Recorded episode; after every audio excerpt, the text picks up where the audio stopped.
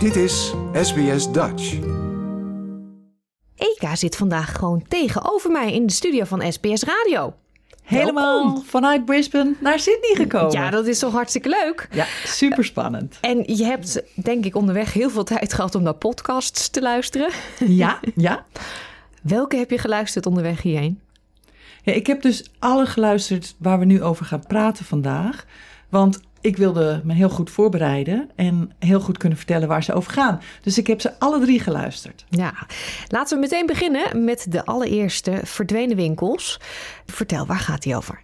Nou, het is een vijfdelige podcast die gemaakt is door Roos Heijnen voor NPO Luister en de NTR. En het is een heel persoonlijk verhaal waarin Roos op zoek gaat naar wat er, met de, wat er in de oorlog gebeurd is met de winkels van haar overgrootvader Jacob Menko. En de Joodse familie Menko bezat voor de oorlog vier warenhuizen, de EPA, een beetje zoals de HEMA nu. En Roos, haar oma, is de enige van de familie die de oorlog overleefde. En van wat er met de winkels gebeurd is, heeft ze geen idee. En dat heeft ze eigenlijk ook nooit willen weten.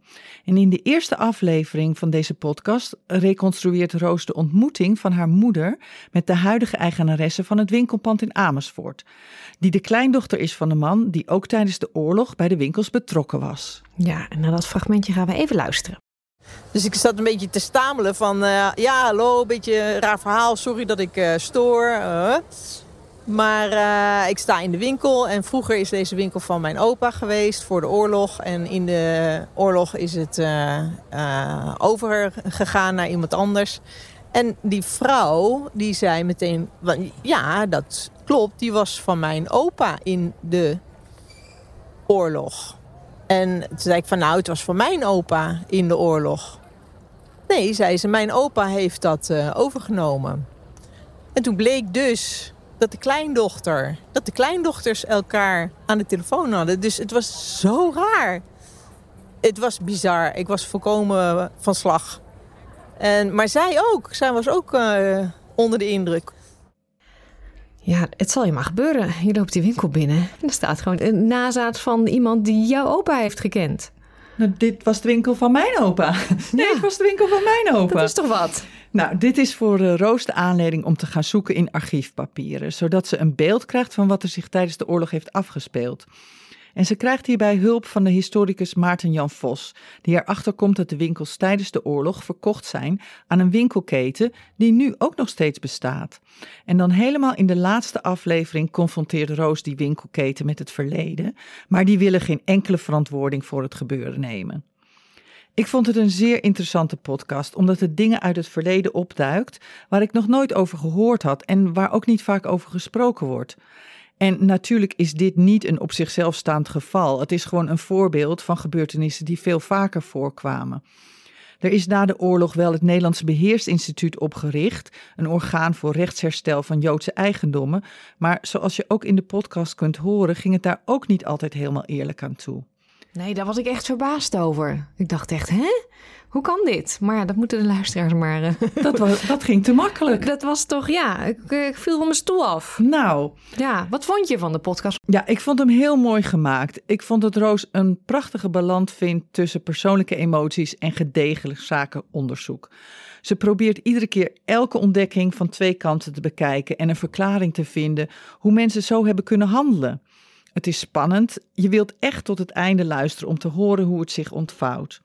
Ik heb ervan geleerd, ik heb me verbaasd, ik heb versteld gestaan en het heeft mijn begrip over gebeurtenissen in de oorlog weer verruimd. Ja, helemaal met je eens. Ik had dat ook. Ik luisterde en ik wilde extra rondjes met de hond lopen. ik denk, mijn aflevering is nog niet voorbij. Het zijn weer dingen waar ik nooit bij stil heb gestaan dat die gebeurd zijn. En dat is zo mooi dat je dat dan via zo'n podcast, ja, dat je daar wat meer over te weten komt. Ja, dat het toch 70 jaar na die gebeurtenissen, je toch merkt hoeveel er gewoon onder het tapijt geschoven is. En jongens, we moeten verder. En we praten er niet meer over. En dan Nee. 70 jaar later kom je daarachter. Het is onvoorstelbaar. Ja, ja prachtige podcast. Allemaal luisteren. Ehm, de tweede, de titel is Het Verhaal van Nederland. En wordt gepresenteerd door iemand die, die veel mensen misschien wel kunnen kennen van tv, Diederik van Vleuten. Ja, Diederik is een uh, cabaretier, maar hij is ook een uh, hele grote geschiedenisliefhebber. En hij heeft deze podcast gemaakt voor de NPO 1 en NTR. Um, en het is een aanvulling op een televisieprogramma, wat ook het verhaal van Nederland heet. En um, eigenlijk hij zegt dan dat de podcast verder gaat waar het televisieprogramma ophoudt.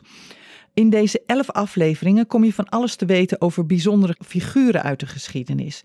Elke aflevering nodigt Diederik een geschiedeniskenner uit om over zijn of haar favoriete historische persoon te vertellen en daarmee ook de periode dat deze persoon leefde te duiden. En hierdoor reizen we door de geschiedenis van Nederland, van prehistorie tot aan het hedendaagse oranjegevoel. En het leuke van de podcast is dat de historische personen niet de gedoodverfde bekende figuren zijn, maar dat er namen voorbij komen waarvan je misschien nog nooit gehoord hebt. Iedere aflevering is interessant, maar je hebt misschien wel affectie met een bepaalde periode en je kunt de afleveringen onafhankelijk van elkaar luisteren, net waar je op dat moment zin in hebt. Ik miste na de eerste vier afleveringen de verhalen over vrouwen, maar gelukkig kwamen die later wel aan bod. Ik heb genoten van de afleveringen over Anna van Saxe en Aagje Deken en Betje Wolf. En vond het heerlijk om te luisteren naar de historicus Maarten Prak, die in een heerlijk plat accent, beeldend en smeuig, vertelde over het leven in de 17e eeuw. Wat ze wel in de 17e eeuw wisten, was als het stonk, dat was uh, foute boel. En nou ja, dat is ook niet helemaal een belachelijk idee, want die stank die komt natuurlijk ergens vandaan, uh, bacteriën en nou ja, dus daar waren ze wel heel erg op uh, uh, alert op, op stank. Ja.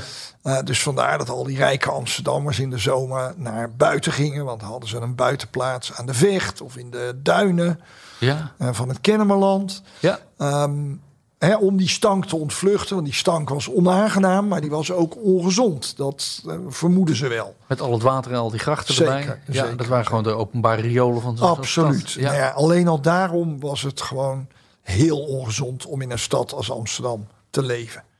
Dat klinkt als een heerlijke man, uh, Eka.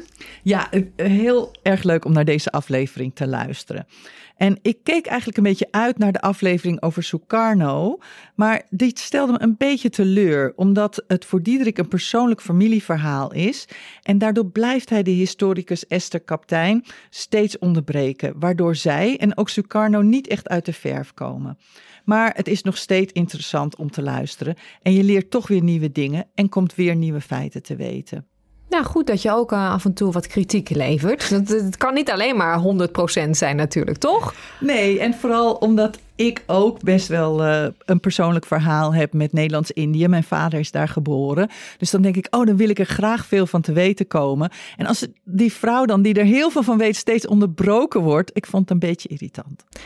Ja, dat kan ik me helemaal voorstellen. En nou zei je net al dat het eigenlijk een extra materiaal is dat hoort bij een tv-programma. Het gaat door op wat er te zien is geweest. Dus laten we dan ook even de link op de website zetten naar dat tv-programma. Op onze website www.sbs.com.au Dutch komt ook alle informatie natuurlijk van deze besproken series. Met linkjes naar waar u die kunt luisteren. Maar dan ook een linkje naar het tv-programma. De derde serie, Wraak. Hmm... Ja, Wraak is een uh, achtdelige fictiepodcast uit 2020 en is geschreven door Karin van der Meer en geregisseerd door Hanneke Hendricks. Het verhaal gaat over ambitie, macht en grensoverschrijdend gedrag. De stemmen van Rivka Lodijzen, Karine Krutsen, Jaap Spijkers, Joy de Lima, Nasreddin Dechar en Nazime Oral nemen je mee in de eerste fictionele podcastserie van Nederland die geheel in 8D is vormgegeven, waardoor het lijkt of je midden in het verhaal staat. De auto komt van links aanrijden en rechts hoor je de kerkklokken luiden. In de race om korpschef van Amsterdamse politie te worden, schakelt de ambitieuze Barbara Schaaf haar mannelijke concurrenten uit met een aanklacht van ongewenst seksueel gedrag. Daarmee ontketent ze een wraakactie die haar uiteindelijk voor een onmogelijke keuze stelt. In het ei van Amsterdam wordt het lichaam gevonden van Monique Zegers, een agente van het Korps Amsterdam die met zwangerschapsverlof was. Een half jaar daarvoor hoort Barbara dat de functie waarvan ze dacht dat ze hem in de pocket had, waarschijnlijk naar Berend Grotendaal gaat. Als ze via haar vriendin Josephine hoort dat Grotendaal zich schuldig heeft gemaakt aan seksueel overschrijdend gedrag, lekt Barbara dat uit naar de krant. En daarna stappen drie agentes, Monique Zegers, Hatis Polat en Shirley Goedehoop met deels verzonnen verhalen naar Bureau Integriteit, omdat ze bang zijn om een man als hem als chef te krijgen. Grotendaal is daarmee uit de race en Barbara krijgt de baan waarvan ze droomde. Een half jaar later wordt agente Shirley Goedehoop gevolgd als ze naar huis fietst na de begrafenis van Monique Zegers. Barbara liet haar auto staan en nam een taxi. Shirley stapte op haar mountainbike. Ze zette harde muziek op en fietste in tranen de stad uit. Wipe your tears away. Wipe your tears away. Langs de stille Amstel, via Oude Kerk, naar Amstelveen, waar ze woonde. Ze had behoefte aan frisse lucht. Weilanden, schreeuwen, een omweg, seks. Door de oortjes in de muziek hoorde Shirley niet dat ze werd gevolgd. Dat een meter of vijftig achter haar een auto reed. Langzaam. In haar tempo, zo'n 25 km per uur. De auto had al die tijd op de parkeerplaats naast het boothuis gestaan. Het was een Peugeot. Zo'n auto die Monique had klemgereden. Zelfde type. Een Peugeot 308. Zelfde kleur. Hetzelfde nummerbord. Ja, dit is echt heerlijk spannend. Hè? Dit wil je binge luisteren. Maar ehm, moeten we nog meer gaan verklappen? Ja, er vallen meer doden, hè? Nog een, nog een klein stukje. Oké. Nou, ondertussen komt het ene na het andere smeuïge verhaal over Berend naar buiten. Zijn vrouw kan de schande niet aan en vlucht naar hun tweede huis in Frankrijk. Als het lichaam van Shirley in een sloot in Amstelveen wordt gevonden, verhoogt hij de druk op Barbara om de dader te vinden. En als Josephine, Barbara's geheime bron, alsnog aangifte doet, is dat de nekslag voor Grotendaal. Als Berends vrouw thuiskomt, wacht haar een nare verrassing, waar Barbara zich weigert schuldig over te voelen. En als ze erachter komt wie haar agentes vermoord heeft, moet ze kiezen: de waarheid vertellen of haar ambities beschermen. Ja, hoe ben jij op deze podcast gekomen? Even zo tussendoor. Ik, je kijkt me nu aan en ik weet het. Deze vraag hadden we niet afgesproken. Maar hoe kom jij hierop? Ja, ik ga meestal, als ik een podcast luister, dan krijg je meestal eh, een paar andere podcasts van luister ook eens hiernaar. En ik ga heel veel naar Nederlandse websites om te kijken welke nieuwe podcasts er uitgekomen zijn. Ehm, ik luister naar een programma waar nieuwe podcasts besproken worden. En dan als ik denk van, nou, ik heb eigenlijk niks gevonden, dan ga ik zelf op zoek. En eh, ik hou heel erg van fictiepodcast. Het is voor mij, wat je zei, de audiovariant van een Netflix-serie binge. Dus ik ga heel vaak op zoek naar, eh naar fictiepodcast. En dit is echt een juweeltje. Het is spannend. Het is best wel een beetje eng. Eh, er is moord, maar dat wordt niet te veel uitgebreid. Maar er wordt eigenlijk heel veel verteld over de omstandigheden. Dus je krijgt een enorm goed beeld. Het wordt ontzettend beeldend verteld. En dan is het natuurlijk de vraag: wie heeft het gedaan? Het is een fantastisch goed scenario. Ehm, er worden sprongen heen en weer gemaakt in de tijd. Dus je moet er wel een beetje je aandacht bij houden, anders verlies je waar het over gaat. En het gaat over emancipatie, over feminisme. En eh, dat je als vrouw ook het recht hebt om slechte keuzes te maken. Het gaat over de positie van vrouwen in de maatschappij. Maar de personages zijn allemaal mensen. En ik vind in deze podcast ook heel erg leuk dat alle mensen die een bijrol hebben, ook een hele leuke eh, functie erin hebben. Zelfs de poes, eh, die heeft een leuke functie. Dus er wordt heel leuk gespeeld met personen en situaties. De vraag is natuurlijk, wat is er al dan niet geoorloofd om je ambities een stootje te geven? En die vraag brandt en smeult de hele podcast door. Supergoed gedaan. Ik vond het een geweldige podcast. Ik heb met heel veel plezier geluisterd. En ik zou zeggen, zoek een goede koptelefoon en duik in wraak. Ja, zeker de moeite waard. Ik heb hem een tijdje geleden al geluisterd, voordat jij hiermee eh, kwam. En ik weet dat ik in de auto zat, alleen met mijn man. Het is niet echt heel erg geschikt voor de kinderen, denk ik ook. Nee, niet wij geschokt- zaten- geschikt voor jonge Nee, luisteraars. En wij zaten echt van, nou, wie denk jij en wie denk jij? En we zaten er toch naast. Maar het is wel echt eentje waar je dan over kunt hebben als je het samen luistert in een, tijdens een lange autorit bijvoorbeeld. En gaat meeraden wie heeft het gedaan. Ja, ja, Erg leuk. zeker. En er komen ook iedere keer, denk je van, oh, nou is het die. Nee, maar die is het dan niet en nou is het die. Ja, het is heel goed gedaan. Ja. Ja, Nou, ik vond het ook heel goed gedaan dat jij hier langs bent gekomen. Ik zeg volgende maand weer. ja kom, ik kom gewoon gezellig weer. nou, hoe dan ook, of het nou online is of niet. Dankjewel voor deze drie nieuwe podcasts en tot volgende maand. Tot volgende maand. Like, deel, geef je reactie. Volg SBS Dutch op Facebook.